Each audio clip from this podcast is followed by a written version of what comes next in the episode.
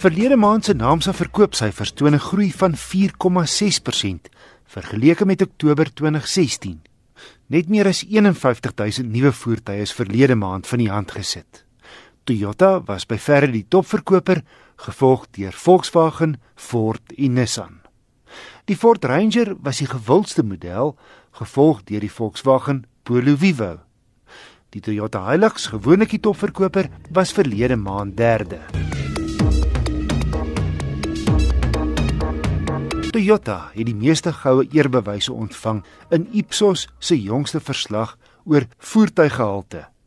Bram van Tonder, 'n navorsingsspesialis van Ipsos Suid-Afrika. Toyota het bes gevaar met uh, 10 goue toekenninge uh, in totaal, gevolg deur Nissan met 8 toekenninge, 6 vir Volkswagen en 5 vir Audi. Voor die twee ontvang en Opel en Renault elkeen een ontvang. Bram, nou waarna het julle gekyk alles? Wessel, ons het gekyk na die algehele voertuigkwaliteit. So ons beperking hier die respondente na 'n spesifieke lys van probleme nie. Ons vra vir hulle wat se probleme hulle ervaar het en ons analiseer dan hulle antwoorde daarop. So jy weet, enige persoon kan enige iets noem. Dan klassifiseer ons basies die probleme wat hulle genoem het in foute en ehm um, ontwerpspesies. Uh, en dan het ons dit alles uh, teruggewerk na hoeveel probleme per 100 voertuie daar is van elke spesifieke probleem om te kan vergelyk wie die beste en swakste gevaar het in elke afdeling. Bram en wat was van die mees algemene probleme? En die algemeenste probleem by ver was brandstofverbruik en dit is aan gevolg deur 'n uh, lae werksverrigting. Bram en hoe het julle te werk gegaan met hierdie studie?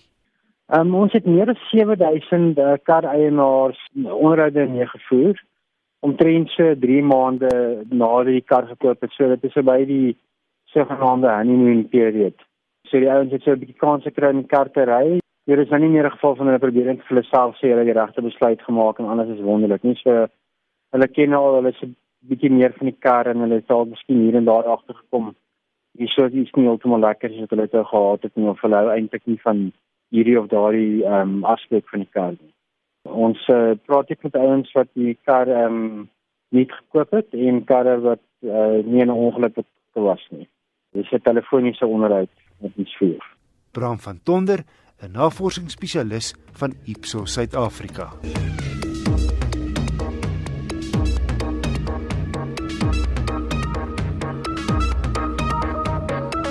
Nissan se nuwe Navara bakkie word van Thailand ingevoer.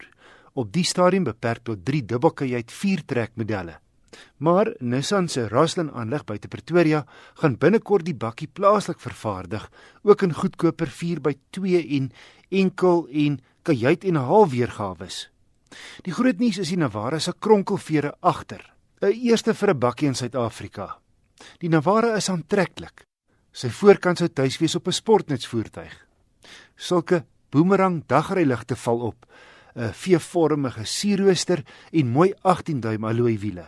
Binne is dit 'n tipiese Nissan uitlig, eenvoudig en netjies. Die paneelbord het heelwat harde plastiek, maar dit lyk heel netjies en dit voel nie sleg nie. Op my hoë spesifikasie LE model kom die sentrale raakskerm gratis, maar die navigasie en trikamera se beeld is nie die duidelikste op die mark nie en die skerm is aan die klein kant.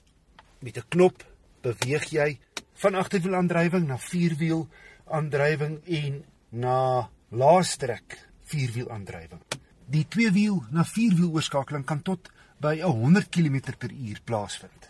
Die leersitplekke op die toetsmodel wat voor verhitbaar is, is egter 'n opsie.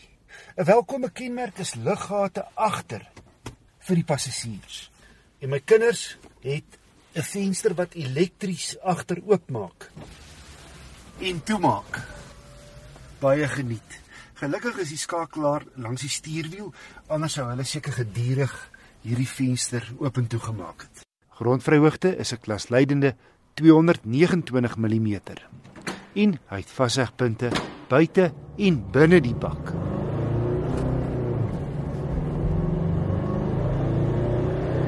Die 2.3 liter diesel met twee turbo-aanjaers is 'n aangename oond en lewer 'n gesonde 140 kW en 450 Nm wrinkrag, gekoppel aan 'n gladde 6-spoed handratkas. Die een turboaanjaer gee krag teen lae toere. Hy het 'n lekker soepel en wrinkragtige turbo diesel. As jy die lepel wegtrap, is hy al van 1500 toere volop krag. Kom ons kyk in 5de by 60 lê die toere presies by 1505de. Ek trap hom weg en versnelling is glad en moeiteloos. My gemiddelde verbruik was 'n goeie 7,8 liter per 100 km. Anders gestel, net oor die 1000 km op sy 80 liter tank. Die Navara is 'n baanbreker met sy kronkelvere agter, terwyl ander bakkies tradisionele bladvere gebruik. So maak die kronkelvere 'n verskil.